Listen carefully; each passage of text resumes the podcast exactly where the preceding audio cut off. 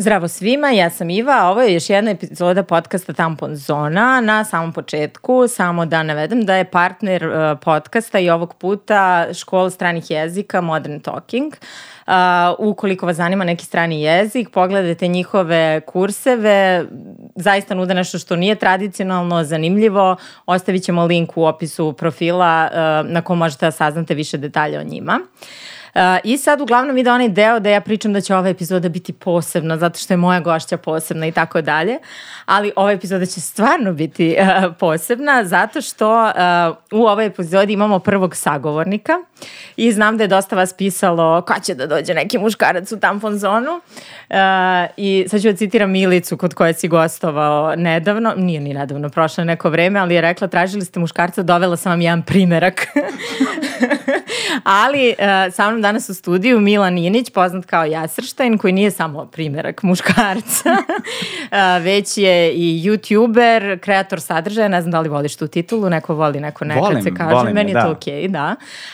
Ali neko ko, eto, već ako sam dobro sabrala 13 godina 14. ili više 14, da. 14 godina uh, snima sadržaj, ali glasno govori o nekim vrlo važnim temama, što je meni vrlo važno na jako suptilan i prijemčiv način i o tome ćemo pričati nešto kasnije. Milane, dobrodošao, ne znam da li ti sviđa ova najava, ti si u ovome mnogo bolji od mene.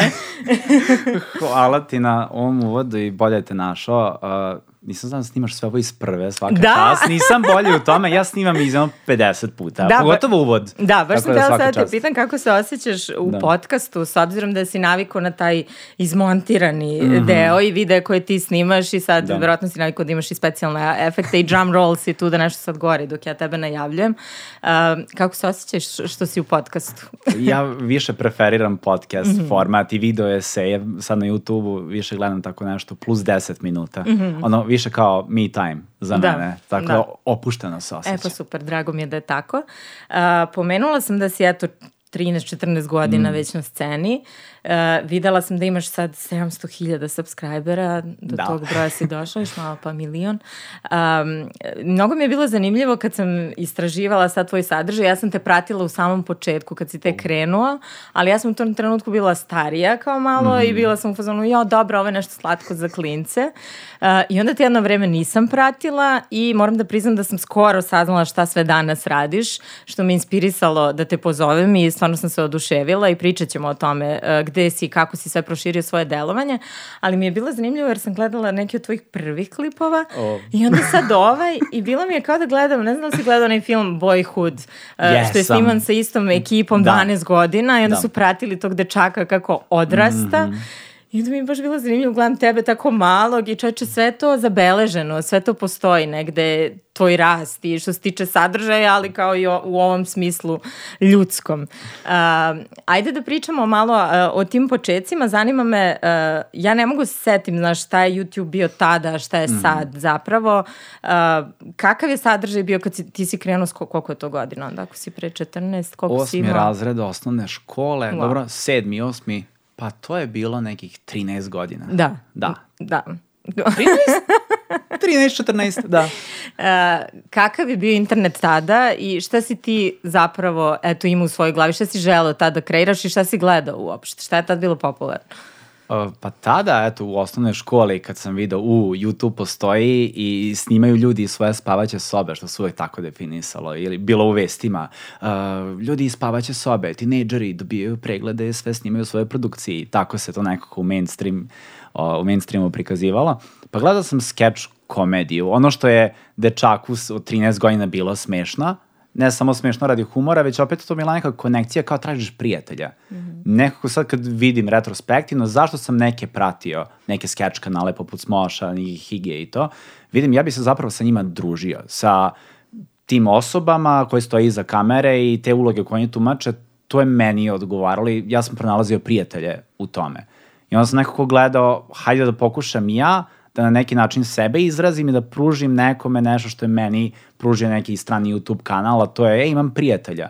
Više se ne osjećam usamljeno u svoje spavaćoj sobi i to već kao, hej, još neko voli ovaj crtan, još neko voli ovu igricu, još neko misli ovako. I to je ono što me pre svega privuklo.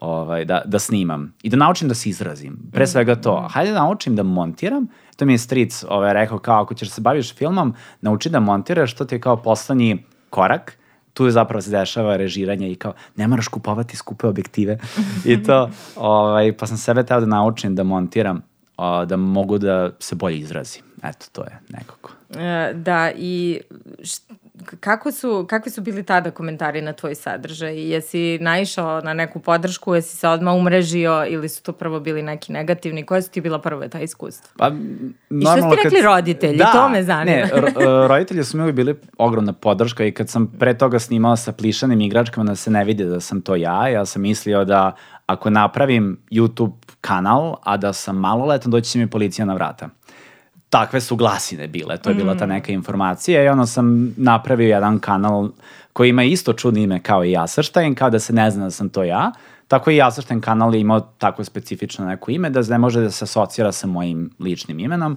već da jednostavno samo vidim šta ljudi misle o tome što se kreira. I sad normalno kad ja isto pogledam taj sadržaj, ovako gledam i kao, dobro, drago mi je, to je deo moje istorije neke, i sve, ali tad sam i snimao sadržaje koji su hteli da snimaju moji drugari iz osnovne, kao ajmo da ubacimo ovu izreku, hajmo da uradimo to na ovakav način i kao ajde dobro ako ćete onda teti da snimamo i da imam zapravo neke aktere, ovaj, onda smo snimali taj neki sadržaj koji je nama tada bio zanimljiv. Sada se naravno to sve razlikuje, Dobro, ali da, da, i ja izbegavam da čitam svoje tekstove sa Vajsa i da, da sve, tako da... Ali da. podrška vam porodice i uskih prijatelja koji ono, su mi porodični prijatelji, nije baš nešto postojalo, svi su tad bili ono, surovi u školi isto, jedva mm. sam čekao da izađem iz osnovne škole I ono kad sam upisivao Karlovačku gimnaziju, reći ono pet puta danas Karlovačka gimnazija. Dobro, na to ovaj, se pripremila, da. Trudio sam se da niko ne zna da ja snimam za YouTube. Kao, mm. to ne postoji. Međutim, pročulo se nakon nedelju dana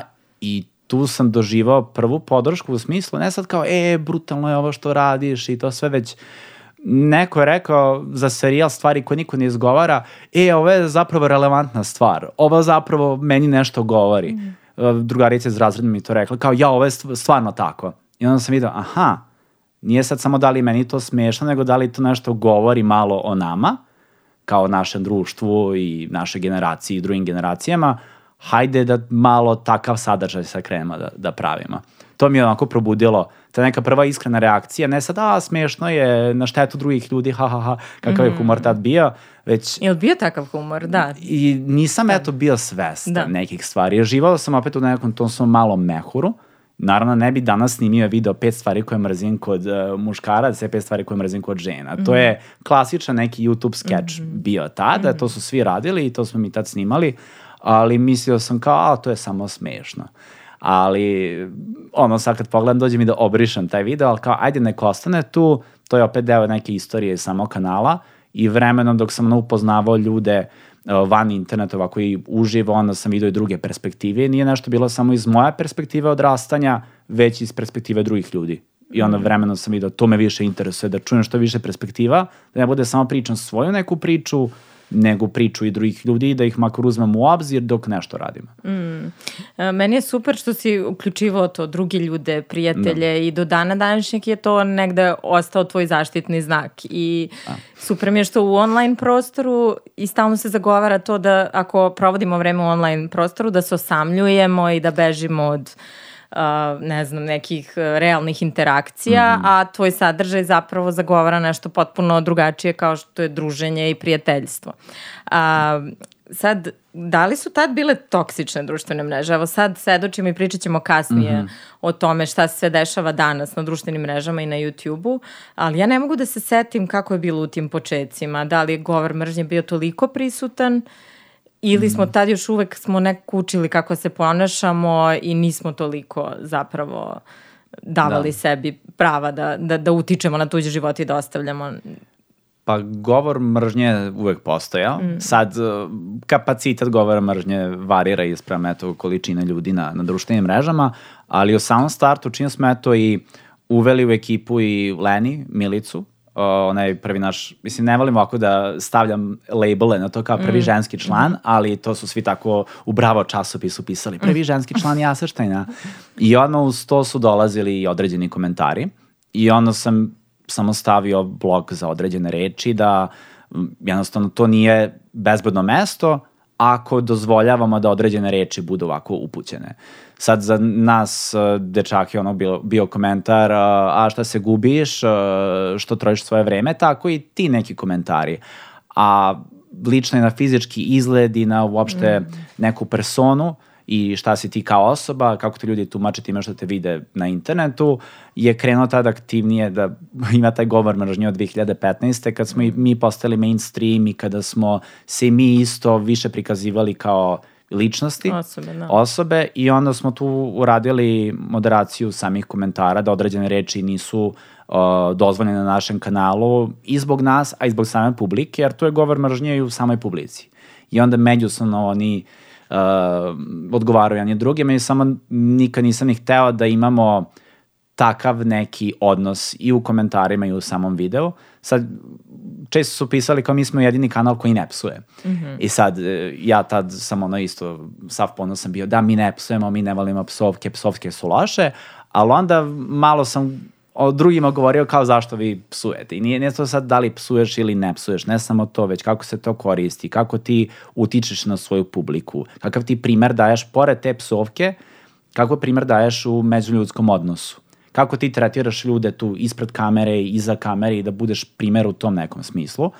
Tako da uh, određene psovke i reči uvrede smo blokirali jer jednostavno to nije onda bezbedno mesto. Mm. I onda gubi poentu svega ovoga što radimo, a to je ovo je bezbedno mesto gde se mi svi usput pronalazimo kao ljudi, pronalazimo isto mišljenike, čujemo ljude, od, dajemo priliku da čujemo isto ljude s kojim se možda ne slažemo, zašto se ne slažemo i to je bio bezbedniji neki način da dođemo do ovoga gde smo danas. Mm.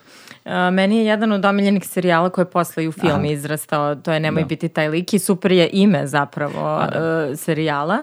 Uh, zapravo se u filmu dakle radi o empatiji, eto pozivamo ljude ko nije pogledao da pogleda, ali mi je zanimljivo da si radio baš sa tom, tim uzrastom zapravo, je li tako? Mm -hmm. Prelazak osnovne škole na, na srednju. Da. A, šta misliš, zašto je baš taj životni period jako važan da pričamo o nekim stvarima?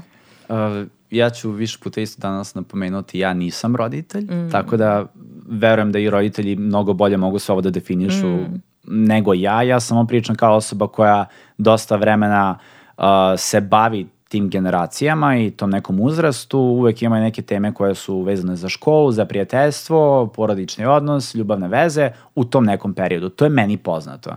Ja sam prošao kroz osnovnu i kroz srednju, kao i svi moji drugari i saradnici, i to je nešto što nam je poznato i nešto što je univerzalno. I sad i dan danas gledam na taj period kao period gde se ja sam formirao i gde uh, jesam određene stavove krenuo da kreiram na osnovu i same pop kulture. Određeni filmovi su definitivno u tom periodu definisali moj odnos ka ljubavnim vezama. Koji? A, e, pričat ćemo i o tome. Ali onda sam vidio i malo problema u tome da sad određena muzika, filmovi da budu mm. jedina osnova za tvoj mm. odnos o, u, u životu. Ali mi tu je bilo fascinantno na koje sve načine je moja generacija i starije generacije, mlađe generacije kako dolazi do tih uh, influencinga, ako mm -hmm. mogu dobro da se izrazim, šta je to što utiče na, šta je to što komunicira tim generacijama, gde se oni tu poistovećuju.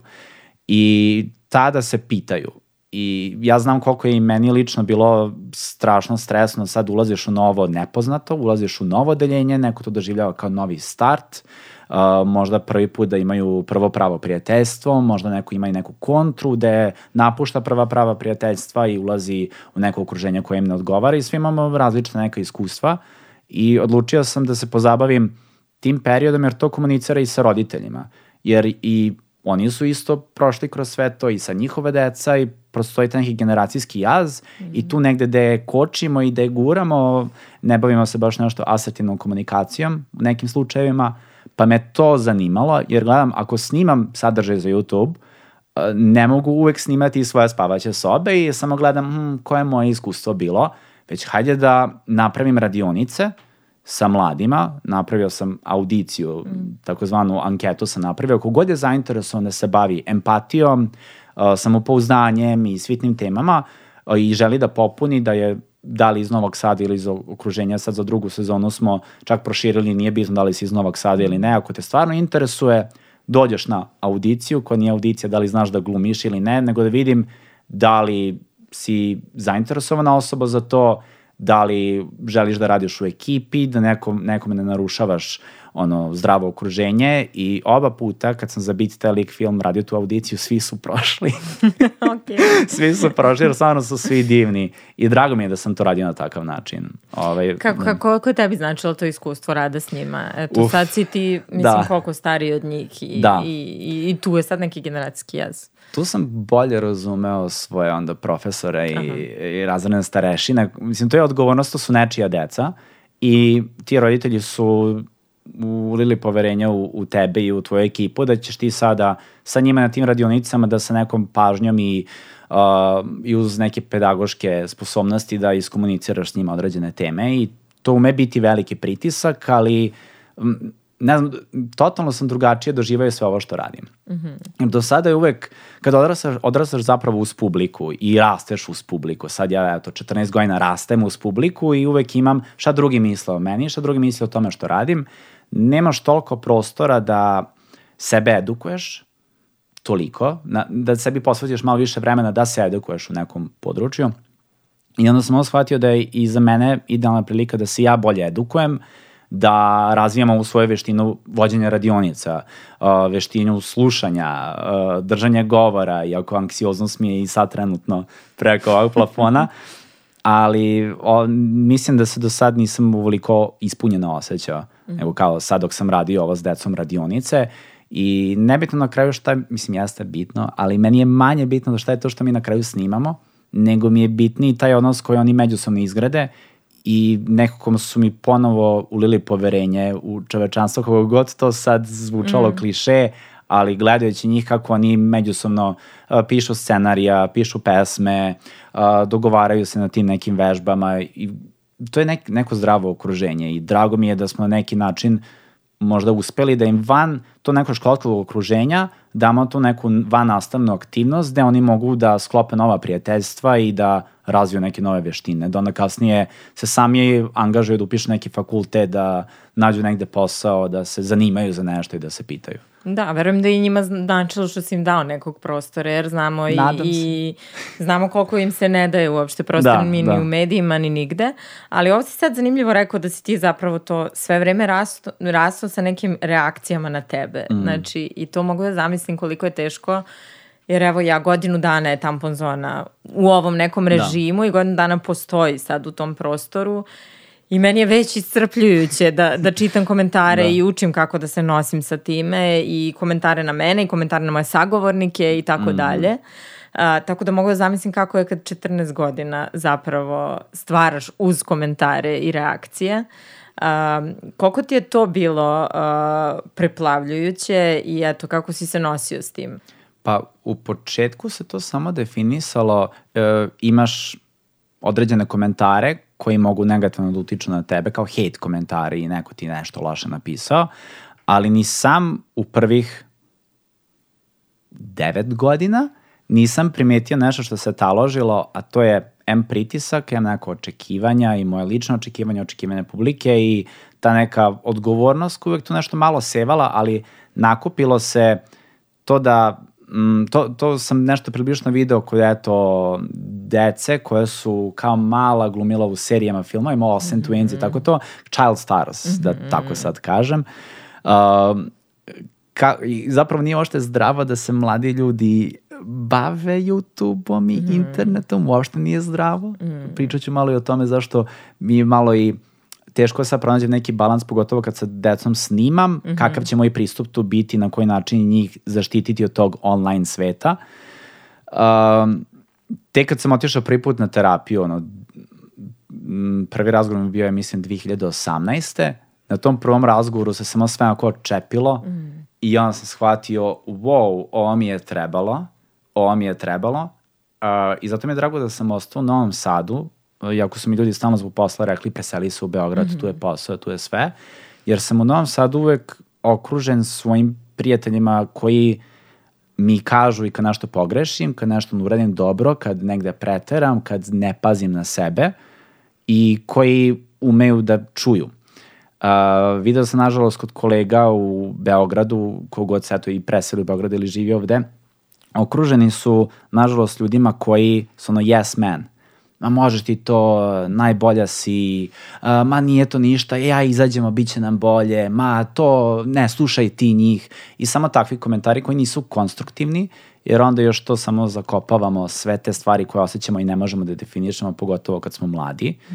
I drago mi je da sam imao ovakav ishod kakav sam imao u tim nekim kriznim situacijama gde nisam više mogao ni da izađem na ulicu, a da ne bude ajmo da ga vijamo i to sve da ga prebijemo i da, mm. takvi komentari. Jer uh, malo onda online svet se prelije u offline svet, pa menjaš adresu na svom interfonu i to sve radite neke lične bezbednosti.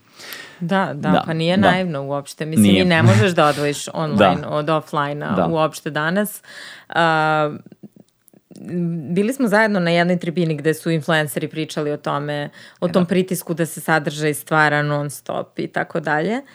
I meni onako bio gla, utisak, uh, dosta njih je, ti nisi bio zagovar, zagovarač te teorije, ali dosta njih je bilo u fazonu mora da se kreira non stop, to je sada vaš posao da. i tako dalje. Uh, što mislim da baš zna da bude opterećujuće. Mislim, evo i ja sad sa sobstvenim iskustvom znam koliko je teško jednom nedeljno snimati, javno se izložiti. Mislim, jednostavno da. imaš dana kad samo hoćeš da se prekriješ ćebetom i da ne ustaneš uopšte. A, jesi ti to razrešio sa sobom ili dalje imaš te, tu neku vrstu pritisaka? Nisam razrešio, ustao sam u pet ujutro da završim video koji sam odlagao mesec i pa da. Oj, um, Pa ja nisam baš najbolji um, najbolja osoba priča na ovu temu, jer od samog starta, uh, od kad sam krenuo sa YouTube kanalom, sam premišljao sve živo i nikad nisam išao ono dnevno da izbacujem. Mm -hmm. Ali tad niko nije izbacivao redovno. 2009. 10. to je bilo izbaciš kad izbaciš i super je, izbacio si odlično, pogledat će se. A sad je to neko, oček, to neko očekivanje koje postoji da si svaki dan prisutan, ne samo na YouTube-u, nego i na Instagramu, Instagram storiju, na TikToku, na, uh, hvala Bogu, Snapchat nije toliko sada da, mainstream, nije, ali i TikTok, pa onda YouTube Shorts i Instagram Reels, pa bio jedno vreme Instagram video i tako hiljadu ti nekih formata Izgleda kao da svakodnevno radiš kampanju za svaku stvar koju radiš. To je ono što rade za filmove, e, ja napravimo kampanju za tu jednu stvar koju radimo, ali gde se sad gleda, treba ti hiperprodukcija, da ti sada promovišeš to nešto u šta veruješ. A ranije je bilo, ako ti veruješ u nešto, organski će doći do nečega, a sad se nekako promoviše uh, taj grind, mm -hmm. ma moraš da ga, prvih sek prve sekunde mora to da eksplodira, mora da pršti. Da, sve kampanja zapravo. Sve kampanja, da. Što ne mora nužno je biti loše, mm. ali je loše ako ti je mindset uh, moraš svaki dan, ako te nema sutra, nema dana, zaboravit će na tebe. Mm. I to je svakom nekako usađeno. E, mene demotiviše više to što ni ti sad sam ne znaš, reci ti tvoje iskustvo slobodno. Mm. Uh, stvar za, za koju se najviše trudiš, na koju se najponosnije i to, ona ne prođe najbolje. Mm. A ono što tek tako samo odradiš, ti si malo pre rekla, objavila da. jednu fotografiju, to eksplodira. Da. I onda to te ume malo demotivisati. Ovo nešto da je čitava ekipa uložila i truda i rada i energije i istraživanje i sve da odradi, ne sad što nema taj broj pregleda pa kao da se zaradi, već nije došlo do ljudi. Mm. Meni je to više, to nije došlo do ljudi, a najviše bismo želeli da to dođe do njih jer to je nešto što je nama bitno, verujemo da bi njima možda značilo, opet i na njima da to procene, ali nemaju ni priliku da dođu do toga. Mm. I zato ono kao idemo grind svaki dan, što nije uopšte zdravo po meni. Um, to, je, to je ono kao ljudi koji prodaju svoje DVD-eve motivacione, o, znaš, i samo to im je čita posao da motivišu mm. ljude, to je malo destruktivno. da, da, da, da. I to što ti kažeš nije da te demotivišu brojke. Da, Meni je skoro da, sam u fazonu, uh, doduše stvarno za neke stvari koje ne prođu brojčano ok, uh, u uživo kontaktu s ljudima vidim da su njima e, značile bravo, i to je okej. Okay. Bravo, da. Ali jeste to što ti kažeš da često ne dođe do ljudi do da. kojih treba da dođe da. I, i, i to bude problem. Uh, ali opet, znaš, mislim tu je i ta analitika koja dosta toga i govori, ja da. to tek sad sve učim kako da čitam, gledam šta, jer ja, na primjer, bih sad baš želela tampon zona je najslušanija u nekim velikim gradovima, tipa, ne znam, Jest. Beograd, Zagreb, Novi Sad. Ali ja bih najviše volala da ove epizode čuju neke žene i u manjim mestima i da to, I onda treba samo da pronađeš neki način i, i, i kako da im se obratiš, na koji način. Mislim, Da. možda njih ove teme ne zanimaju o, odmah na prvu loptu, a s druge strane, I ja često, znaš, biram sagovornice, tehnički mi je lakše da zovem ljude koji su iz Beograda, iz Novog Sada, sa čim Da. pričama ne mogu možda da se identifikuju uopšte žene koje su iz unutrašnjosti. Tako da nekad mi je kao logistički lakše, ali treba da se, da, se- da se izađe i, iz tog kruga nekog. Jel smem tebe da pitam nešto? Da. Sada kad ne bi gledala na tu neku analitiku Mhm. i sad da za tapon zonu da bih htela da imaš neki segment ili nekog sagovornika ili nešto što bi ubacila, a da ne razmišljaš o analitici, ali postoji nešto što te trenutno koči zbog analitike da isprobaš. Pa ima par stvari, da. Da. Ne moraš otkriti ako nećeš, da, nego da, samo... ne, imam, imam u glavi Da. i kočnica mi je jer ne želim da se dama da ostane nevidljivo i da to Mhm. ne dođe do koga treba da dođe, znaš. Mm, ja iz svoje neke Ali uvek kad prakse- sam da. probala takve stvari, desilo se baš suprotno zapravo. Da opet Da. nađe neku svoju E, publiku. to, i- ja da. sebe tako nekad Da. podsjetim kao zašto ne bi ovo isprobao Mm. i nebitno što sad, i što sama kažeš, nema sad tu neku brojku. Meni je drago što šta god da mi pravimo, to se gleda i za 5-6 godina. Mm. I meni je to drago. Meni je to neki cilj. Kad sam to shvatio kao, e, video, nemoj biti taj lik e, škola što smo izbacili 2017. godine, prošle meseca dobio 100.000 novih pregleda. Ja kao, Nemoj da zaziš, eto. pre svega kao, molim, uh, da sam to znao, više bi pažnju posvetio tom videu, ali mi je i drago jer uh, znam da nije to sad zaboravljeno, nije izgubljeno na, YouTube-u. Kad sam sa Lazarom Džamićem vodio radionice firmama za, za YouTube, uh, stvarno je to dobro rekao, ali me to malo onako zabrinulo. Kaže Džami, Džamić, uh, ako želiš da sakriješ video, objavi ga na YouTube. Ja kao, molim, zbog količine videa koji se objavljuju ovako na YouTube-u, lako se videi zagube. Ali mi je drago da stvari koje jesmo strastveno radili pre pet i kusur godina, da i dan danas pronalaze svoju publiku i to mi je nekako odredilo, ok, više ću sada posvetiti ti nekim projektima, evo, godinu i po dana imamo sad radionice za stvar koja uopšte još nije izašla, treba u decembru da izađe, i ako vidi to 5000 ljudi, 10.000 ljudi, nebitno, bit će tu, pogledat će za godinu dana, za dve godine, tri godine i makar znamo da je to nešto konkretno što neće ljudima da uzimati vreme. Jer ja se stvarno uvek bojim da ljudima da uzimam vreme. Mhm. To mi je onako kao, ne želim da oduzimam ljudima vreme, već da ja odredim neki... Što ja da kažem onda svojim razgovorima po dva podcastovi su stvarno. genijalni. Ja bih volao da imam svoj podcast. Ali imam problem s dikcijom i sa rečnikom, izvinjavam se ako omanem. Izvinjavam se, ja imam problem s dikcijom. Ne, ja 10 obožavam podcastove baš zbog toga. Baš zbog toga. To Ali je ovo što ti sad svet. pričaš, mislim, baš je uh, redko vid, videti među YouTube, youtuberima i bilo kojim kreatorima sadržaja uh, ovo razmišljanje. Mislim, složit ćeš se da uglavnom sad uh, svi razmišljaju samo kako da dođu do, do što većeg broja ljudi, pregleda, pa samim tim i para, mislim. Mm. A, I tu su negde prevagnuli sad neki obrazci koji su potpuno pogrešni, za kojima se slepo juri. Mhm. Tako da, um, moje pitanje je e, kako si ostao zdrav u svemu tome i normalan? Uh, posrećilo mi se da imam porodicu i prijatelje koji me podržavaju u tome. Naravno, ne mogu niti treba da shvate sad sve aspekte svega toga, ali uvek sam gledao da sam okružen ljudima kojim verujem. Pre svega to. Da im verujem. Uh, ja znam da ja nisam najbolji montažer, najbolji snimatelj i nekako sam sebi dozvolio da ne, da ne bude savršeno. Uh, snimam sa kamerom, kupio novu kameru i ima neki problem u čipu, jako loša boja i kao, nema veze, ajde ne bude savršeno. I kad god sebi kažem, ajde ne bude savršeno, meni bude lakše i zdravstveno i, i onda vidim zapravo ja te stvari primećujem. Publika ne toliko, dotle god je gledljivo da može dobro da se čuje, nema neke smetnje, ok je. Jer ja sam nekako naučen kao radi po Akademiji umetnosti, da sve bude e, savršeno, što naravno i treba za određene stvari, ali ako radim YouTube videe gde se zahteva zahteva publika da nedelju dan, svake nedelje izlazi novi video, neke stvari treba da pustim ili da prepustim drugim ljudima.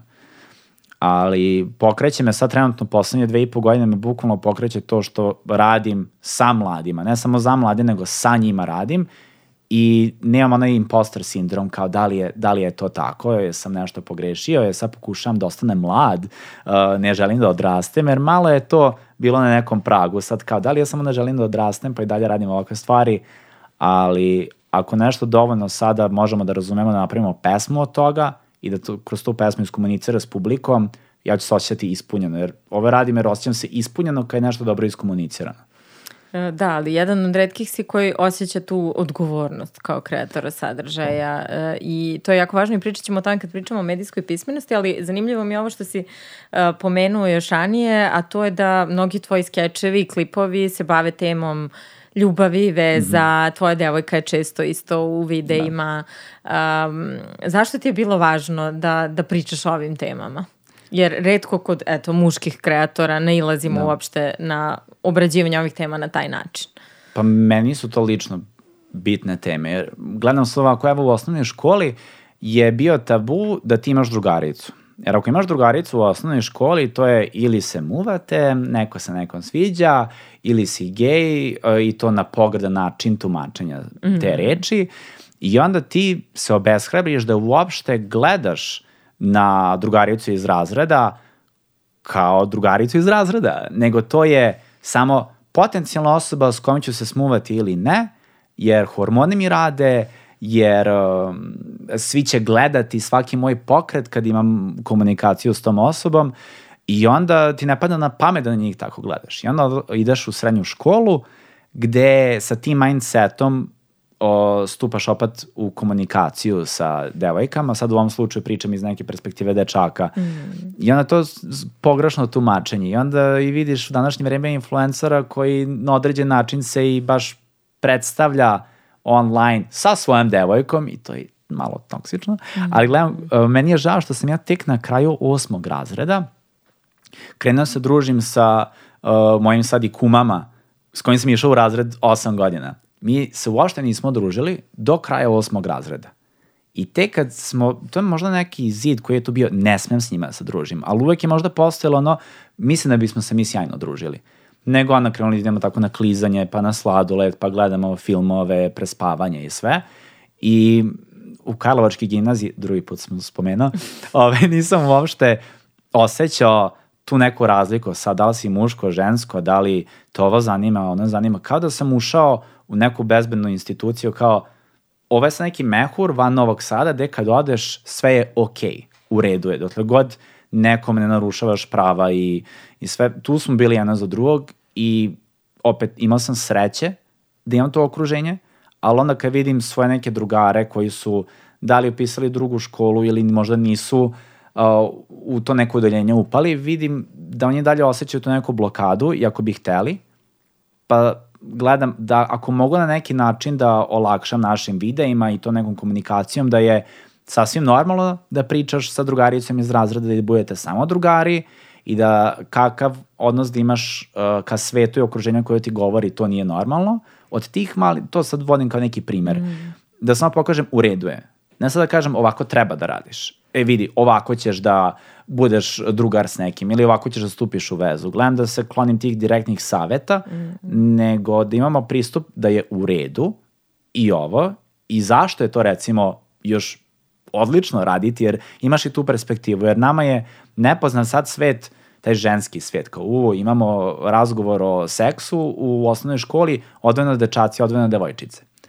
To je po meni loše, mm. Dobro je da možda imaju i odvojeno, pa i zajedno. Naravno, neće devojčica da se javi kad je tu neki dečak iz razreda nešto pita. Mm. Treba odvojeno iz tih nekih razloga, ali i zajedno, baš zbog toga opet nekog tabua, jer onda kasnije sutra čuješ polni organ i kreneš da se smeješ i opet gledaš na to kroz neko kikotanje, pošto i tebi to još nije poznato. I onda kad gledam kod publike naše, njima nije poznat, a, opet pričam iz perspektive dečaka, njima nije poznato to sve, šta je menstruacija, šta je tampon, šta su ulošci, uh, prvi odnos i sve to, ali imaju filmove. Uh, I pre prvog poljubca su proživjeli hiljadu prvih poljubaca, što su videli ovaj neki idealan prvi poljubac, sve je nešto romantično, savršeno i to, i to su neka naša očekivanja u glavi i onda kad dođe do toga, mi previše razmišljamo o tome i možda, nažalost, uradimo pogrešnu stvar.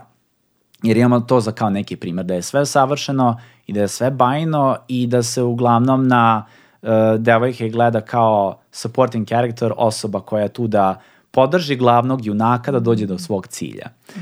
I to meni bilo fascinantno kad sam gledao filmove uz koje sam odrastao i koje sam stvarno jako voleo.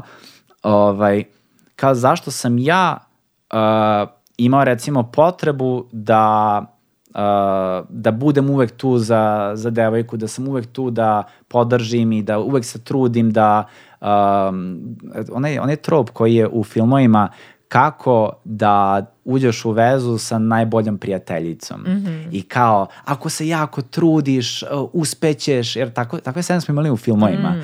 Znaš, onaj najbolji prijatelj uh, koji onako trudi se, trudi se, stvarno se trudi i onda je ta devojka u filmu cilj.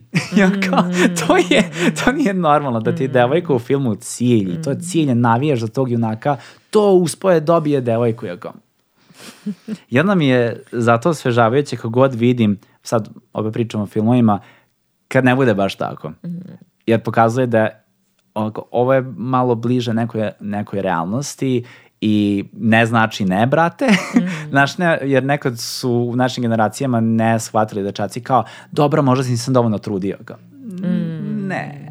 Mm. I to su sve te neke lekcije koje sam ja kasnije, tek nakon ili tokom srednje škole, pronalazio u svom okruženju, u životnom nekom iskustvu, ali onda vidim i dan danas izbacuju filmovi i YouTube tutoriali kako ući u vezu s najboljim prijateljicom. I to mi je bilo malo zabrinjavajuće i kao ajde ne budemo deo problema, ajmo ne budemo deo problema, friendzone ne postoji i tako to, da te neke definicije ovaj, uklonimo. Mm. Tako da malo sam otišao, evo desno, Ivo, ne, izvini. Da, to je to, ali da. to je to. Ono što je još važnije jeste da uh, ono što je meni zanimljivo i isto zbog čega sam te zvala, zato što uh, ste sad muškarci koji pričaju emocijama da. i koji pokazuju ranjivost. Yeah. Mislim, uh, znamo koliko je, uh, mislim, ja ne volim taj na, narativ, znaš, kao, ja, jadni muškarci, koliko pritisaka mm. imaju, bla, bla, bla, ali uh, isto, mislim, ne isto kao i žene, ali imaju neku dozu pritisaka i mm. nešto što im se name, name, nameće kao narativ i cilj koji trebaju da slede, ako ih, uh, osak, mislim, sakati ih i, i ne dozvoljava im da uopšte svoje biće izvedu, da ga oslušnu, da saznaju uopšte ko su zbog tih da. nekih checklista koje treba da um, ispune kao pravi muškarci. Da. da. ovaj, uh, koliko je to, misliš, danas pri, prisutno kod muškaraca ovde kod nas i koliko je zapravo štetno? Pa štetno jeste, uh, pogotovo što kao šta treba da radiš i da misliš da bi bio pravi muškarac, mislim, bilo šta da ja sad kažem ili bilo ko drugi, to je, mislim, pogrešan pogled na to. Nije sad neki checkbook koji imaš da se level upuješ i odjednom puf, odrastao si sad si pravi muškarac. Um, i opet provodim previše vremena na, na samom YouTube-u jer gledam i šta se tu kreira od nekog mm -hmm. sadržaja i sprem trendova od onog treba da imaš ovaj sajt, ovaj automobil, a, da ovako postupiš a, kad želiš da pitaš osobu da izađete i to sve mi je to pogrešno. Mislim i da mi na našem kanalu bilo šta damo takvih saveta mi je pogrešno jer um, opet gledam naš kanal gleda i neko ko je preškolski uzrast i ko je osnovna škola i srednja škola i fakultet iz raznih uh, backgroundova, dosta ću mhm. koristiti mm -hmm. anglicizme, ne, I izvini. zbog toga, ali to je Da, izvinjavam se, gledam da korigujem te da. stvari kod sebe. Ja sam ipak uticajac. uh, pa ne znam, Šta ti misliš o tome? Šta ti misliš o tome, Ivo? Šta ti misliš o tome? A, pa mislim da, mislim, baš smo, baš su dugo muškarci uh, bili gajeni u tom narativu i teško je da se istrgne od toga danas. Da. Ali mislim da je zato mnogo važna ta emocionalna inteligencija i to da. što ja sad nazivam između ostalog i tebe smatram time, to su ti emotivni aktivisti. Mislim da je A, mnogo važno da. to neko pričanje o emocijama i mislim kad pogledamo i koliko muškaraca ide na psihoterapiju, koliko žena ide. Da. E, koliko oni zapravo to trpanje nekih emocija unutar sebe zarad postizanja nekih drugih obrazaca, mislim da ne može ništa dobro da, da izađe od toga, znaš. I mislim da, da samo treba da radimo na tome da osnažimo to pričanje, kako se osjećaš i zapravo ko si kao biće, a ne ko si kao muškarac ili žena. To. A, I sad imamo, ono što je meni zanimljivo, da sad svedočimo stvarno ekspanziji tog nekog sadržaja, da ako pričamo o sadržaju na internetu, osnažujućeg za žene. Dakle, imali smo i mm. hashtagove, imamo razne neke inicijative, čak si kod nas sve više ova, medija koji se bave feminističkim nekim sadržajem razvija.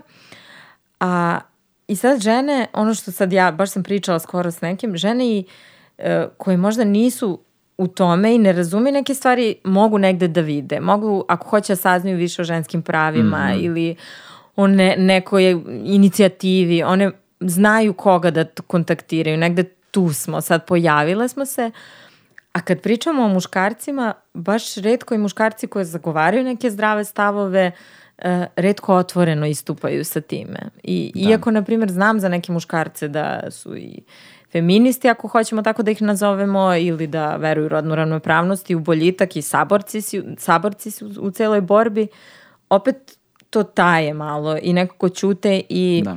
ne pričaju otvoreno o tome i onda kad razmišljam, ok, ti neki mlađi dečaci, trebaju im uzori, ma koliko volili reč uzori ili ne, treba nešto da vide, da vide neku pozitivnu praksu i neko dobro da. ponašanje.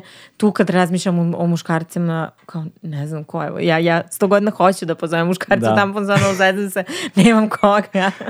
pa ne, to je ono kao, da li, da li ako ovo podelim, da li će me čuno gledati, da li će mi komentarisati nešto negativno, da li će me mm. odbaciti, kao da li će biti odbačen, jer ja sam jedini izuzetak. Odbučeni mužjak, da. Odbačeni mužjak iz pakta. Uh, jer opet, ni oni ne vide druge muškarce da to rade. Mislim da to, eto, lančani taj neki mm. ovaj, ishod. Ne vide druge. Ja, evo, kod ljudi koje pratim, recimo, na Instagramu, znam da jesu aktivisti, jesu za, i za feministički pokret, i za, za jednakost, i za sve naj, naj, naj, ali ne vidim da to dele na Instagramu, nisu u obavezi da to rade, ali opet ne vidim. I kad odem evo recimo i na tampon zonu i kod zombijane i kritički i drage devojčice i sve te, sve te profile na Instagramu koji kaže sjajne tekstove i, i reelsove, vidim da opet na liked sve, sve su mm. devojke koje pratim mm. i nijedan ovako muškarac nije uzao lajkovo ili, ili podijelio, dobro, desi se, ali opet to je 1%, 2%, 3%, što opet gledam uh, kakvi su komentari uživo usmereni ka, evo i meni lično kada ako pričam o nečemu, a nema priča o tome, ne znamo mi o tim stvarima, jer opet to je nešto nepoznato. Mm -hmm. Kod su neke nepoznate teme kao, ajde ne pričamo o stvarima koje, koje ne znamo. Mm -hmm. Pa da li tu smo da se informišemo jer ja, evo ja prošao kroz čitavo školovanje, nisam ni znao za sve te stvari. Mislim sam imao sve ok, jer sam u to nekom svom mehoru. Mm -hmm. e, žao mi je što jeste tako, ali isto tako pozivam svakog ko stvarno i podržava to i želi ne samo sebe da informiše, nego i da podnjene i svest o svemu tome, da eto, makar podeli, jer će neko od, iz tvog kruga videti, možda će ozbiljnije shvatiti to da uzme, da makar pročita. Ne samo da vidi taj neki naslov, da će da pročita mm. i da na osnovu i tih informacija stekne neki svoj stav. Jer, evo, opet u krugu mojih najbližih prijatelja uh, ne pričaju o tome, ne kažem da nisu za sve to, ali ne pričaju niti imaju naviku nekad spomenu, već mm -hmm. ja mhm. sam uglavnom taj neki koji to inicira, ali opet osjećam se kao da pričam neku anegdotu koja ih ne interesuje toliko, um, ali tu, tu me zapravo malo, ako, malo mi škripi onaj ar, argument, ono što se kaže na tako tu temu, pa dobro, to je mogla da ti bude sestra, ali to ti je možda majka. Mm, nebitno da li mogla da bude sestra ili majka, to ne bi trebalo uopšte da se dešava i ne bi uopšte ovako trebalo da bude, ali to su ti neki izgovori i te neke rečenice koje uvek idu uz te naslove i uz taj neki aktivizam, kao um, ono kao pa ne dešava se meni, ja sam okej okay, i to se ne dešava. Mislim, dešava se svuda. A koliko je tebe oslobodilo, eto, kao jedno biće, progovaranje da. o emocijama, uopšte kad si ti da. počeo, verujem da nisi Od uvek. Pa nisam. Bio emocionalni da. aktivista, mislim pričao o tome da. i pokazivao svoje ranjivosti neke i koliko je tebi to bilo da. oslobađajuće. Meni je prvo bio strah da ne kažem nešto pogrešno, uh, jer nisam dovoljno informisan. Znaš, ne znam mm. ovo dovoljno i to je mm. sasvim u redu. Ako ne znaš nešto dovoljno, ne moraš da glasno, jasno mm. kažeš neki svoj stav, jer nekad bude i kontraefekat. Nego dobro, ajde malo sebi posvatiš vremena da se ti informišeš, da pitaš ljude, evo, odem u uh, klub Izađi, da, se, da bukvalno se raspitamo o LGBT zajednici i da, da razgovaram sa ljudima, pre nego što ja uzmem i određene stvari podelim, da vidim da li ja pre svega, ja sam informisan o tome pre nego što delim, da li verujem u to i sve. I onda nekako se osjećam onako empowered uh, kad se sam informišem i kad znam da to što delim i to što mislim da postoji uh, neko znanje iza toga i neka proverena informacija, to me zapravo onako ojača da znam više nisam u to nekoj magli, da znam da to postoji, ali to je nešto, aj nećemo to već kad mi je definisano. Mm. Uh, uvek se bolje osjećam jer, uh, kako da kažem, nisam ni ja sa sobom isto ok bio u tom nekom životnom periodu i hteo sam prvo sebe da osposobim da mogu da, evo sad, došao sam kod tebe na podcast, pričam mm. ovim temama i osjećam se kao mm. osoba koja ne bi trebalo ovde da sedi i da priča o tome. I molim vas ljudi, izvinite ako sam nešto pogrešno rekao, znaš, jer um, ne želim da dam neki loš primer mm. i to je neki strah koji postoji. Da ne kažeš uh, nešto što ne bi rekla osoba koja je više informisana od tebe. Tako, ali mislim da treba uvek podsjetiti ljude i ohrabrivati da pričaju o tome i asertivno reći ako nešto možda... Ali treba da postoji prostor za grešku. Mislim pa da, da je malo to upravo to. Ali eto, strah od greške mi uvek da. bila ta neka kočnica mm. da ne pričam javno o tim mm. stvarima.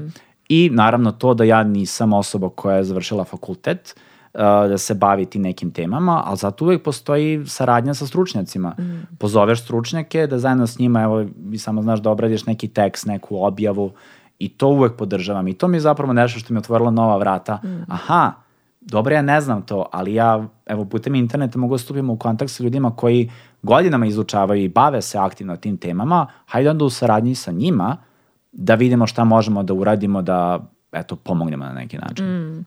E, sad kad smo pričali o ovim e, nekim štetnim uh, influencerima i tako to, uh, primećuješ sigurno talas pa baš veliki talas, uh, onako desničarski, ekstremno uh, nastrojenim influencerima koji imaju ogromne armije pratioca i ajde da, da uzmemo i koji uh, reprodukuju neke baš mizogene stavove, ali to nije mizogene ono malo da im se nešto potkrade, nego je to njihov vladajući narativ i način na koji oni skupljaju publiku. Ajde možemo da ih sad nazovemo incelima i ovako i onako, mm. ali sve ih je više i ono što je meni tu još opasnije, sve su veći, sve veći broj mladih koji prate.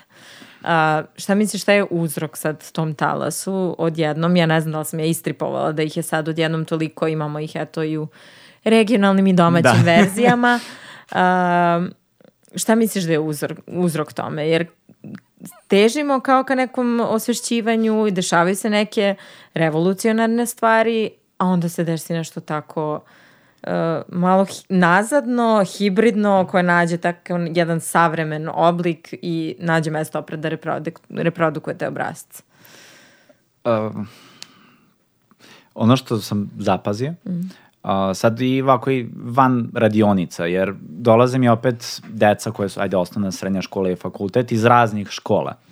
I ja vidim da na i tim radionicama ili ovako kad sretnem nekog na ulici o, ko priđe kao fan, osetim, naučio sam nekog da osetim kad oni jesu to što jesu i iskreni su i prema sebi u to nekoj komunikaciji i to mi je drago, vidim kao hej, oni vole ovo, podržavaju ovo, ali onda kad ih vidim u okruženju ljudi iz razreda, to se uopšte ne vidi. Već su deo publike koja prati takav sadržaj jer ne žele opet da budu izostavljeni, da budu meta nekog zezanja. Evo, jednog, jedan period 2018 o, je svako bio meta koji je pratio Jasašten kanal. Jer u tom periodu je bilo ono kao distrekovi i to na osnovu svakakvih gluposti, ali onda kao neko te napada zbog toga što ti uh, gledaš određen YouTube kanal ili ono ekvivalent, neko te napada i navijaš za ovaj futbalski klub mm. i tako to. To je samo još jedan primer toga, ali ovo je jako štetno, jako ide unazad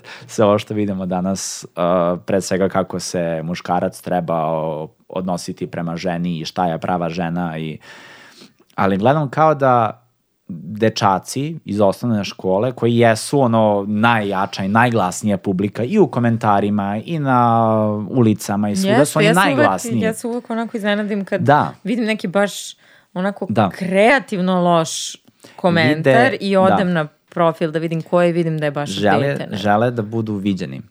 I nekako najveći marketing svim tim kanalima je to što su rentali neki auto ili sat i to je dokaz nekog uspeha.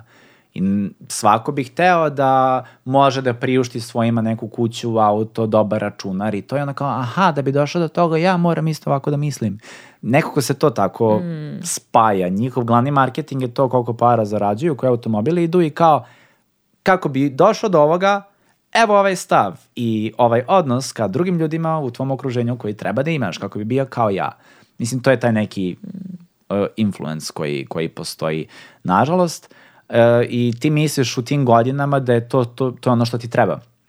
To ono što ti treba. I to dođe pa prođe u smislu neće im taj kanal biti relevantan za godinu dve, kao i, evo, i, i naš kanal nekom nije relevantan nakon mesec dana, što je sasvim okej, ali neki ti stavovi ostaju i ona teško je da se nađu u nekom, nekoj životnoj situaciji gde će drugačiji odnos steći. Um, zato gledam kao, ajde, zašto snimamo i vide za osnovnu školu? Kao, a, snimate za klince? Pa da vide da mogu da se oni pitaju i ono što uvek isto roditelji kažu što vole sa decom da rade, a to je da eto kad dođu u kući, ne samo kako bilo u školi, već kao e pa što tako misliš ili kao e pa zašto, zašto te to uvredilo i kao da se ti pitaš. Ne samo je to se desilo, to se desilo, ova osoba to misli, već šta ti misliš o tome i kako se ti osjećaš po pitanju toga. Znaš da, uvek sam volao i časove književnosti gde smo tumačili, lektirali, tumačili likove, jer ajmo da vidimo koji su motivi, šta je motiv te ličnosti, šta je pisac teo da kaže i to mi je onako podstaklo da malo pokrenem vijuge i to je najjače oružje, oruđe koje mogu da imaju svi ljudi, a to je da vide da ne mora ovako da bude ako ne veruju u to. Jer oni prvo ne veruju u to, ne žele tako, tako ih nisu možda učili kod kuće, ali vide ja bi tako trebao da radim, tako neću pred roditeljima, ali hoću u društvu, hoću u školu, hoću u školu, hoću pred drugaricom i to, da se pokažem, jer to pokazuje neke rezultate, što je brojka na, na internetu. Da, i tu sad dolazimo i do teme samo kritičkog Mhm. mišljenja zapravo, koliko je važno i negde gde, znaš sad kad pričam sa nekim starijim sagovornicama i sagovornicima, uh, oni su u fazonu, jaj, jeste te videli istraživanje šta 90% dece danas želi da bude, tiktokeri, to Da, je da. strašno. Samo fazonu, ne, to nije strašno, to može da bude okej, Pa da. samo moramo da, da, da promenimo, ne možemo sad e, da promenimo te mreže i da ih sve pogasimo i taj re, restriktivni e, Da. odnos prema tome me izluđuje, jer samo govori koliko ne razumeju zapravo ti odrasli e, Da. kako sve zapravo funkcioniše, ali to kritičko mišljenje i taj negde otklon i pravo na izbor da ti možeš da izabereš šta ćeš da gledaš, na koji način ćeš da ga shvatiš i tako dalje je nešto što sad već treba da bude, mislim, deo s- oba, obrazovanja, ali Jest. uh, obaveznog predmeta u obrazovanju. Pa, uh, sad samo kritičko mišljenje se, o, mislim, taj izraz se vrti sad Mm. poslednjih godinu do dve, ali ja gledam zašto se to uopšte nije pokretala kao neka diskusija i van škole i dok sam ja bio u školi. Da. Nisam znam koliko meni je to potrebno bilo, jer ja gledam moja lična prava edukacija mi je krenula u nekim 20. godinama gde sam ja tek po prvi put krenuo da baš stičem svoje neko kritičko mišljenje. Ali ja tad nisam bio eksponiran raznim sadržajima, nego samo ono što sam teo da gledam. I nisam tada išao u školu sa još plus 25 ljudi koji su bili u tom nekom, nekom trendu. Uh, o, ovo bi mogao čita, tebi- da, da. ovo bi mogao čita podcast da bude samo o ome. Jeste, i znaš, Da. vidim da mnogi ljudi kad vide to kritičko mišljenje, Da. kao jo, evo ovi opet dosadni, Ne, medijska pismenost i kritičko treba. mišljenje, a zapravo mislim da je da su to ono osnovni alati za, za navigiranje kroz život danas, jer Jesu. uh, mislim, mi smo na društvenim mrežama, ajde, možemo da pričamo o odgovornosti platformi, ali to, Da. mislim, ne možemo. Ne znam šta misliš o tome, da li bi platforme možda mogla nešto da poboljšaju, ali mislim da njima jednostavno ni, ne ide u korist. One, Pa one to ne vide, mislim, nije Da. im važno, jednostavno taj aspekt uopšte. Pa ono što mi je to ostalo u sećanju sa jednog YouTube kanala Ana Akana, to sam ti isto bio spomenuo, ona je sjajna i često tako obrađuje neke teme koje nju trenutno interesuju i gleda da poboljša te neke međuljudske odnose. I u jednom videu kad je rekla da e, kad tako neko je nešto pita šta misliš o ome, šta misliš o ome, i onda samo nemam dovoljno proverenih informacija kako bi imala neko svoje mišljenje, tako da ne komentarišem ništa na osnovu toga. Kao, kako ne možeš da im, nemaš svoje mišljenje? Kako ne možeš? I onda to možda neko očekivanje, pogotovo kad si mlad, da želiš da imaš mišljenje kako bi bio primećen i da ne, se ne izblamiraš. I onda vidiš influencere koji pričaju o nečemu, sad da li pričaju o nekom filmu ili pričaju o nečemu što se sad desilo u svetu i pričaju reči influencera, jer to su reči koji su oni čuli i veruju, veruju tome. Um, I ja sam isto to praktikovao. Ja sam određene i teme za videe recimo birao i određene uh, životne situacije bolje tumačio kroz videe youtubera i to, jer bilo me možda blam da nekad pitam nekoga šta je ovo, nego sam verovao YouTube kanalima, što nije baš rešenje, ni, niti treba, ali onda ajde da kroz te video sadržaje da ne škodimo, mislim da ne budemo deo problema, već da ponudimo tu mogućnost i te neke primere da ti možeš da postaviš pitanje sad profesoru, roditelju, to je da nije blam u svemu tom, nije blam ne znati, nije blam pitati, jer bolje nemati stav nego imati neki pogrešan stav zato što si, zato što ceniš stav nekog influencera koji nije kredi, nema taj kredibilitet da priča o tome. I, i isto zato je jedan razlog zašto određene teme nisam na još jasršten kanalu uopšte pokretao. Sad kad pogledam sve to što radim poslednje dve godine, to se ne vidi u našim skečevima jer ne osjećam se još dovoljno mm. edukovan da mogu da pričam o tome. Ali mislim da je strah mladih da sad ne budu u toku i onda gledaju aj brzo da imam neko mišljenje i onda samo ponavljam neke reči koje su čuli da ne razumeju to. Mm. Zato opet ono, hajde da razumem, ako ne razumem neku reč, pitam nekog odraslog uh, da li nekog profesora nekog predmeta, evo imamo profesore istorije, geografije, ako nešto to zanima, ili profesore filozofije, psihologije, mm. roditelje, starije braće, sestre, da, da vi, na više frontova se raspitaš, kao i dan danas kada čitamo vesti ili vidimo bilo šta, ajde da proverim, gde mogu da proverim? Imam ovaj, ovaj, ovaj sajt, da vidimo da nam je to dostupno i da budemo sebi fact checkeri i da naučimo da prepoznamo šta je fake news, šta nije i šta jesu šta se dešava zapravo oko nas. Da, da, mladi često, znaš, ja uhvatim da vidim neke stavove i onda shvatiš da su samo čista reprodukcija nečijeg stava. Da, I da, kad da. probaš da zagrebeš ispod, da postaviš Jeste. neko podpitanje, mm, Da. naiđeš na zid. Jeste. A, mislim da dosta ima sad to veze i sa ovom sad instant kulturom sadržaja koji je tako kratak i Mhm. koji im zapravo ne daje ni prostora da puno sad, nego samo ta, na taj način konzumiraju. Meni je najveći izazov da sad tim kratkim nekim formama navučeš nekog da pogleda nešto malo duže i da pročita nešto E, jest. duže. A da pritom ne budeš glasna. Da. Ono, previše glasna da je iritantno. Da, da, da. da. A, ali... Um, Da, jedno pitanje koje sam zaboravila da ti Slobodno. postavim, sad ću da se, samo da skoknem do njega. Kad smo pričali o muškim emocijama, setila sam se jednog podcasta uh, koji pratim, zove se We are men enough i pričaju Mm. to o toksičnom maskulinitetu, mada je taj izraz mi je malo šta god, ali o tim pritiscima koje Mm. muškarci trpe i tako dalje. I neki lik koji je gostovao je baš ispričao, pričalo se o tome o puštanju emocija kod muškaraca i tome da muškarci zapravo uopšte ne plaču ili ne plaču da ih neko vidi i tako dalje i taj neki lik je ispričao da je kod muškaraca normalizovano uh, da se plače samo ako tvoj omiljeni klub u futbolu izgubi utakmicu mm. i čak tad kad pustiš suzu to je kao baš muškost i onda on pričao kako je namerno ono kako je tad saznao da će biti glumac jer je uspeo da pusti suzu kad je neki klub izgubio i tad Aha. je kao bio uh, pravi muškarac Uh, tako da moje pitanje je uh, da li ti plačeš i da li dozvoljavaš sebi da plačeš? Da, plačem. e, dozvoljavam sebi, um, ne gledam ja sam u jednom momentu doživao kao blam u osnovnoj školi što ja sam plakao pred drugima, tad sam osetio blam, ne zato što kao ja povređena mi je muškost, nego kao to nije normalno. Znaš, u osnovnoj školi da sad plačeš pred drugima, desio se neki smrtni slučaj i to, pa sam plakao, a niko drugi nije plakao i onda sam osjetio taj neki blam, ali onda u razgovoru sa porodicom, opet kažem, imao sam sreće da sam imao s kim ovako mm. da pričam, ali vidim stid kod mladih kada plaču u, u svom nekom društvu, kao ne, moj život je sad gotov. Opet jer kao etabuje.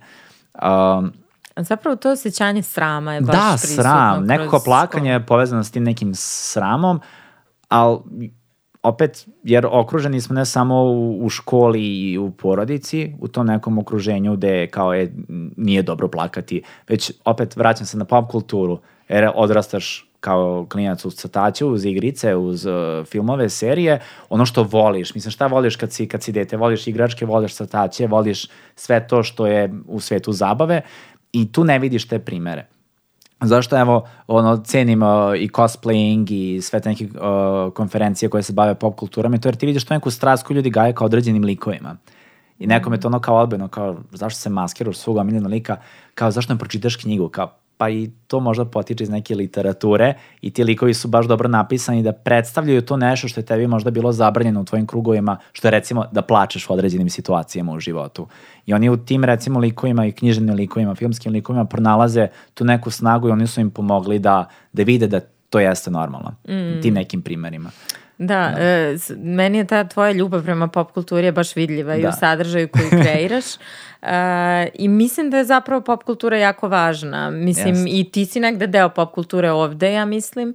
I e, važno je, mislim da je najdelotvornije zapravo kroz te neke e, suptilne mehanizme, prijemčive, razumljive, zapravo poslati neku poruku i svedočimo takvim nekim sadržajima u poslednje vreme, moram da kažem, da, da mi je žao što sad nisam mlada kad pogledam s te strane, da. znaš, kao što da. nisam imala sex da, da education da. kad sam bila u tim godinama i tako dalje. sezoni bez spoilera? Pa, uh, meni je okej, okay. vidim da su ljudi bili mm. onako revoltirani, da su bili u fazonu da je suvišna, Meni ne bi smetalo da je nema, ali mi je odgledala sam je. Mm -hmm, nije mi bilo mm -hmm. negledljivo, nije mi bilo previše kvir kao što svi kažu. Razumem da jeste, jesu malo možda nasilno uveli neke mm -hmm. narative i likove, ali mi nije smetalo, bilo mi je simpatično.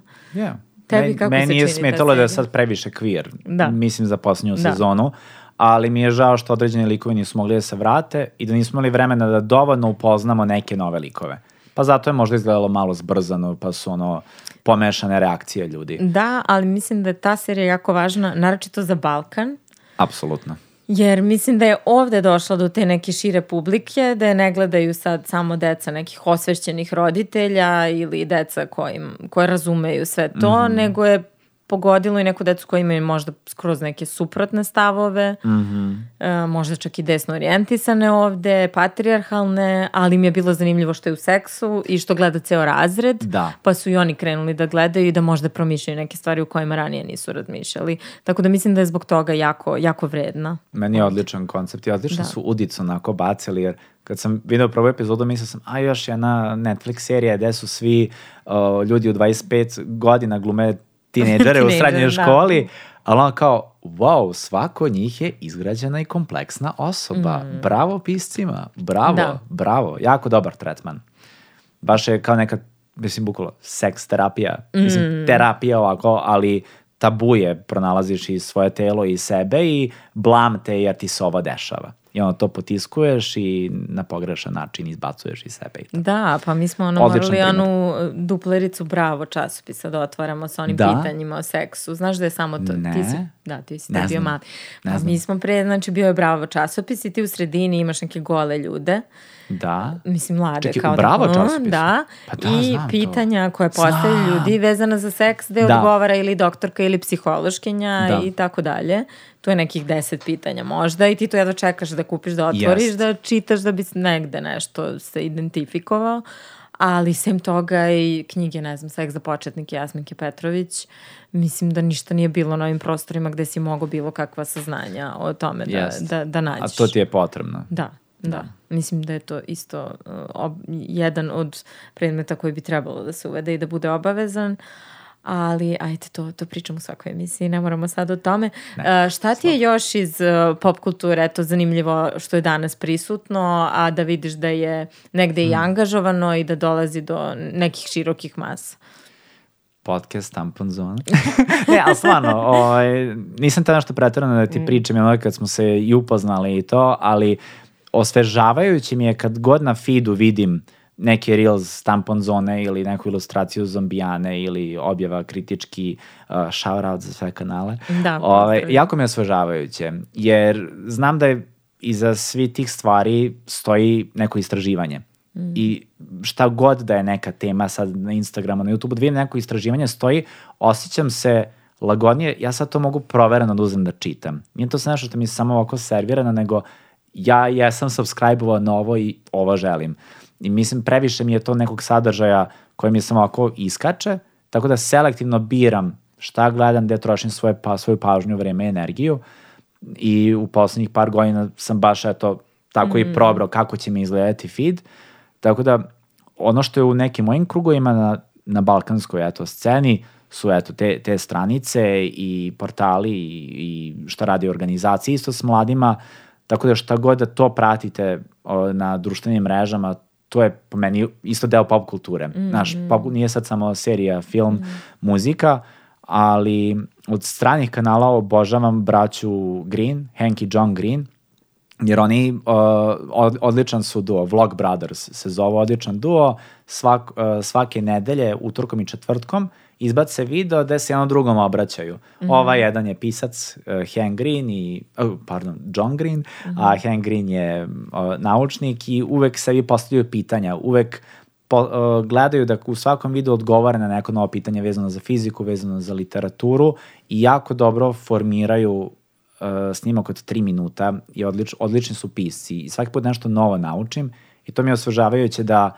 nisam ošte znao da ću nešto naučiti, ali sam eto nešto stekao tog dana. Kako god imam neku malu informaciju koju sam stekao da ono kao, e, nije mi protraćeno ovo vreme na, na internetu, mm. to mi je onako osvežavajuće. Imamo i Tijenu Prodanović kod nas, moram da je pomenem. Da, slobodno, da, slobodno. Da, da, da, ja baš obožavam njen da, sadržaj da. i mislila sam da me te teme uopšte ne zanimaju, mm -hmm. ali ona to tako super radi da, da, da bude stvarno prezanimljivo. Odlično. Um, a spomenuo si neku seriju, a sad ja ne mogu da se setim. Uh, Our Flag Means Death. E to, da, šta je da. to? Our Flag Means Death, David Jenkins je napisao tu seriju, a Taika Waititi je isto producent serije na HBO Maxu uh, imate sad druga sezona se sad završila, pa um, znate priču Blackbearda, Crnobradog i mm -hmm. te neke pirate iz tog perioda koji su stvarni istorijske ličnosti, postoji jedan pirat, Gentleman's Pirate, koji je bio birokrata, koji je napustio svoje bogatstvo i ženu da ode, uh, da postane pirat. I on je stvarno na svom brodu sebi izgradio biblioteku, uh, onda Orman sa gomilu fancy odeće i plaćao je svoju posadu, što tad uopšte nije bilo ono, ovaj, ne dozvoljeno, nego to ljudi nisu radili. Evo ti hrana, svo blago koje zauzme, to je moje, ja sam kapetan. I ono zabeleženo u istoriji da je u jednom periodu svog uh, plovljenja Crnobradi proveo godinu, dve sa tim Gentleman's Pirate koji je kontra Crnobradog, koji je ono razarao sve živo I onda su pisci sebi dali slobodu da iskoriste taj istorijski događaj i da napišu seriju o tome šta to znači biti muškarac i ta toksična muškost i to šta zapravo je Crnobrdi radio na brodu sa tim Gentleman's Pirate koji je totalno kontra od njega. I onda vidiš sve te toksične muške osobine koje, o kojima to i danas pričamo i jako zabavan način kroz komediju uh, prikazano kako se slojevi se samo cepaju i kako se oslobađa i on kao i ostali deo same posade. Mislim, mlaka, mlaka preporuka, ja volim da kažem mlaka preporuka jer je moja Ogradiš preporuka. se malo. ne, jer to je moja preporuka, pa onda ako ti se svidi, to će onda biti topla preporuka, ako ne, onda je hladna i Ovaj, A, da. još jedno pitanje, ne smemo nikako da završimo emisiju bez da spomenemo Taylor Swift, naravno. Da!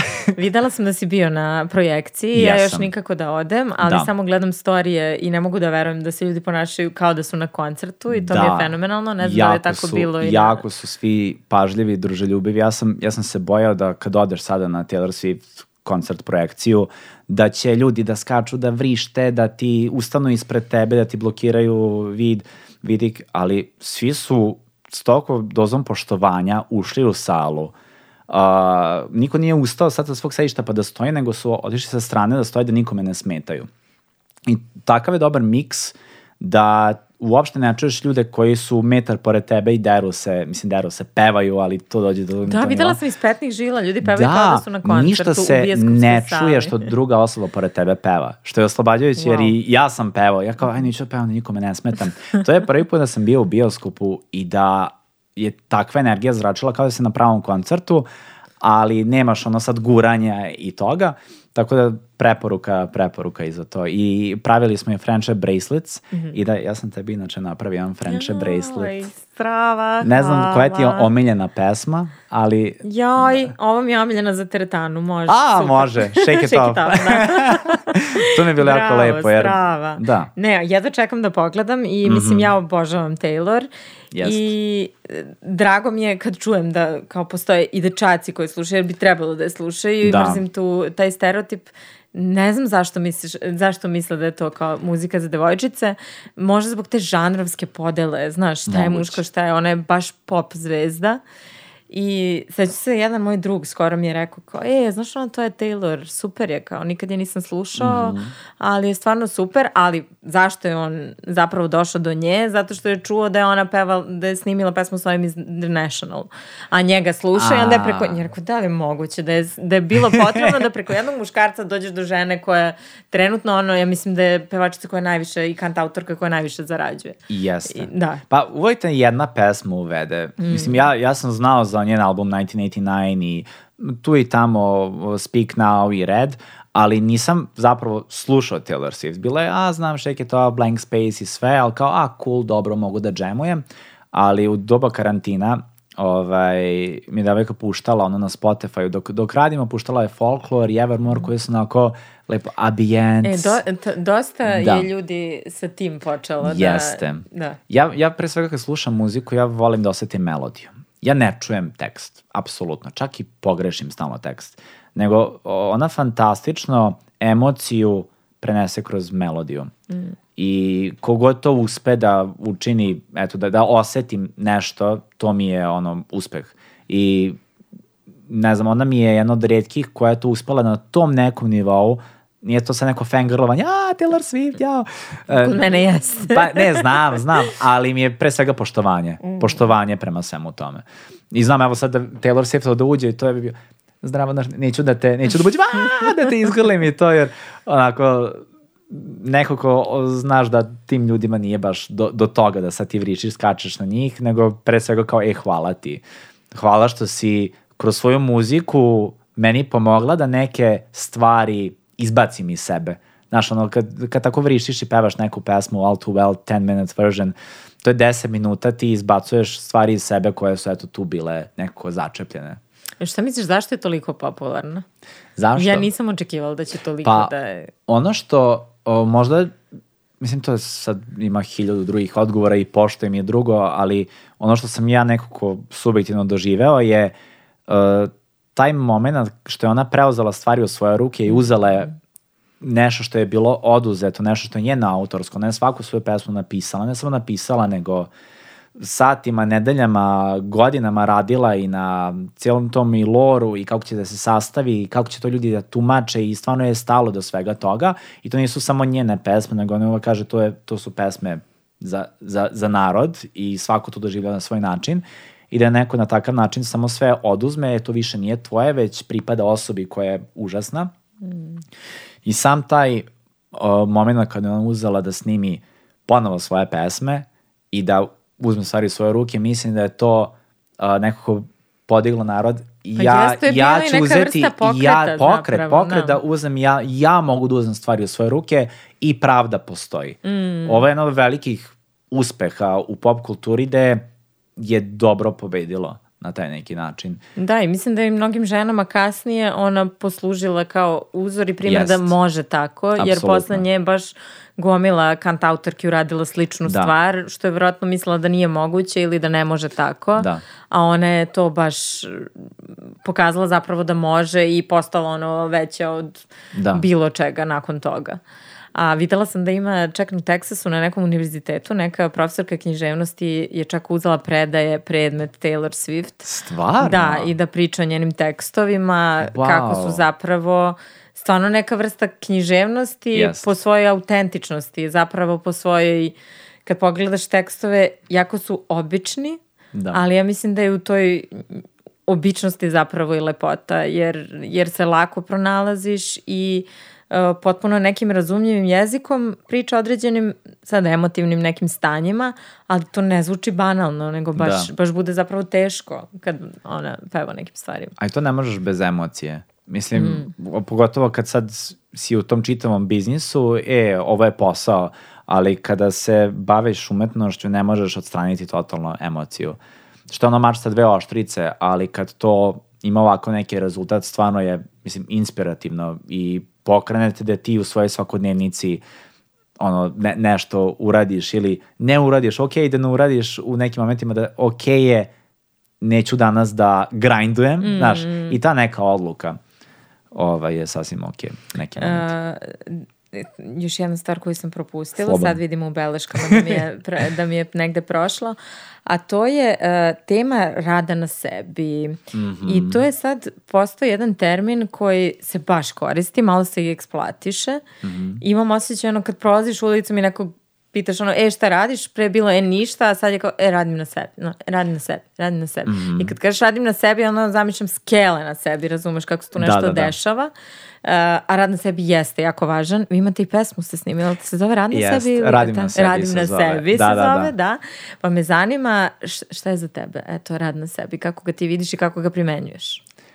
Pre svega kažem, ta pesma radim na sebi, što sam radio sa, sa drugarom i kolegom Boćam. Odlična je pesma, inače nisam mogla da, Da. izbacim iz glave. ja, ja ne pamtim kad sam uh, tako nešto promišljao previše, onako previše, nisam trebao toliko premišljam, kakav ćemo pristup tu imati. Jer jeste bilo smešno raditi pesmu na ovakav način, ali kao, volao bi ovakav pristup da imamo o tome da ne bude uh, toliko sad radi na sebi, idem gasiram se, ali komedija je bilo u tome što lik sada negira sve svoje emocije, već kao, uh, ovako ja ne radim na sebi, ali smešno je, znaš, pa kao šta je humora, šta je, znaš, šta je neki balans između humora i ono što ja sam praktikujem u svom životu. Tako da rad na, rad na sebi, uh, pre svega da mm, da prepoznaš svoje emocije, da ih prihvatiš i da sebi dozvoliš da ih iskomuniciraš na koji na, da pronađeš načine koji tebi odgovaraju da iskomuniciraš to što gajiš u sebi.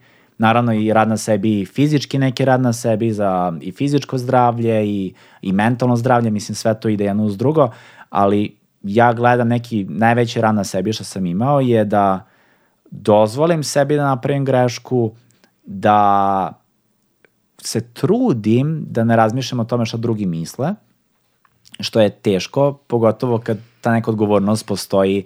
Šta god da radiš, neko će teti da kopira i gledat će kao neki uzor. Mm. Tako da rad na sebi distancirati svoj privatan život što više moguće od toga što radiš i da sebi dozvoliš taj neki svoj kutak i neki svoj mehur i da ne mora sve da bude zabeleženo, ne moraju svi da znaju šta radiš u svakom momentu i da će to biti ok.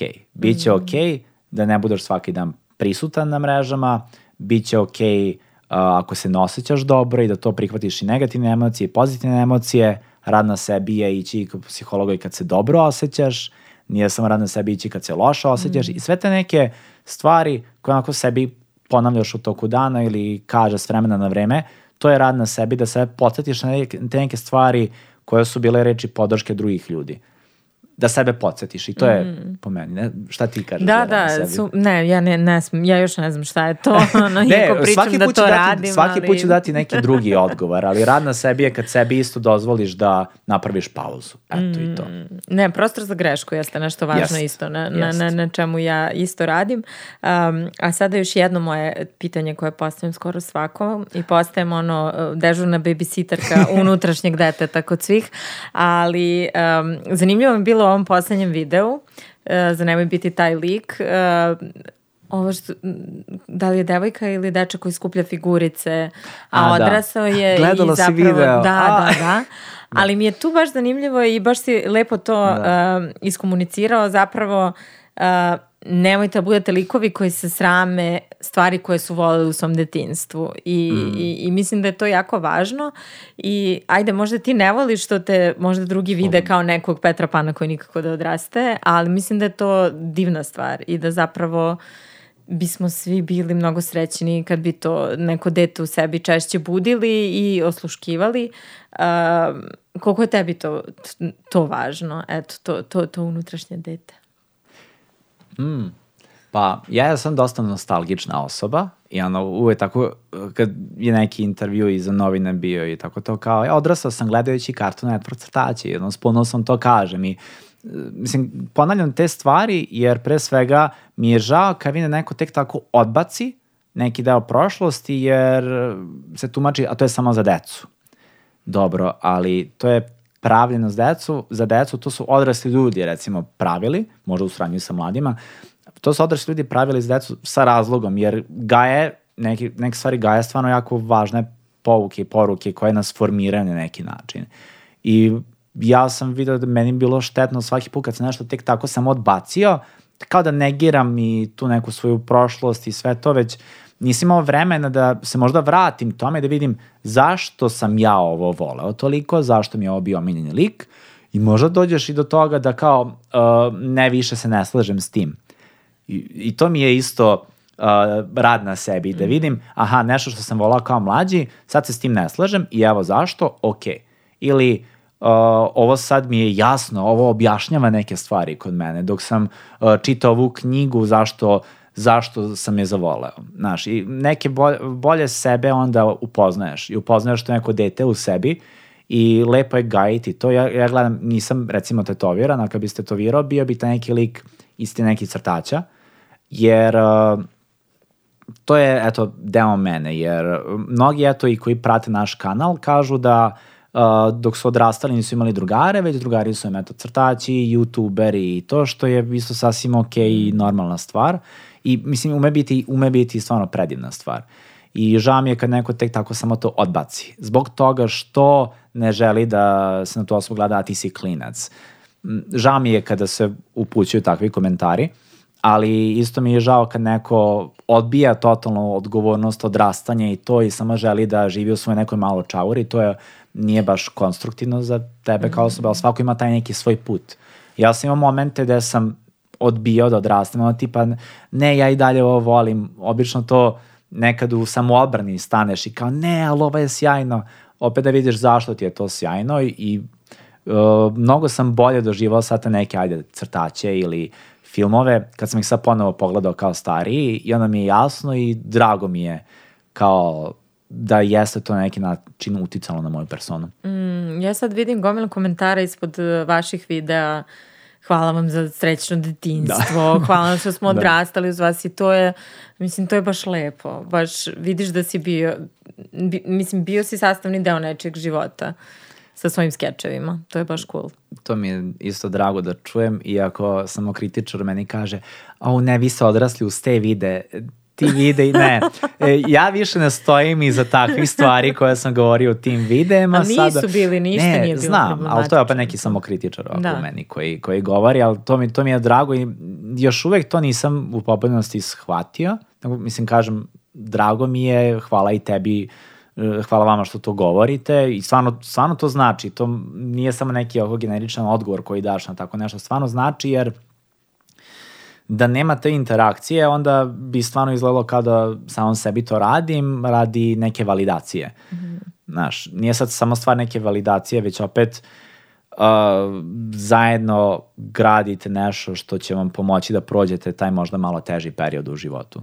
To je po meni uspeh da vidiš, e, nekome si bio odskočna daska u tom nekom momentu da bolje neke stvari pregura. Eto. Mm. Uh, šta bi rekao za kraj? Volila bi da eto pošaljemo uh, poruku možda onima kojima nije uh. jasno, ali u, u čemu že, leži, možda nismo dovoljno re, pričali Reci. o tome, u čemu leži odgovornost jednog kreatora sadržaja? Šta ti vidiš kao svoju odgovornost? Kad pra, pre nego što napraviš da. sadržaj i pustiš ga tamo negde. Mm, moja odgovornost je da sad kad mi se postavi to pitanje ne kažem, a, nije moja odgovornost, odgovornost roditelja. Mm -hmm. Znaš, moja odgovornost je da ne kažem takav odgovor jer delimo svi odgovornost i, i da, mislim, takvi odgovori mi nisu konstruktivni. A, moja odgovornost je da pre svega znam i offline kad vidim ljude i vidim i online ko je to ko gleda sadržaj i taj sadržaj jeste dostupan mladima i moja odgovornost je da to uzmem u obzir uzmemo u obzir. Ja sam se recimo opredelio za ovakav način sadržaja i ovakav tip sadržaja i onda uzimam u obzir, dobro, to možda pogleda neko ko je preškolskog uzrasta.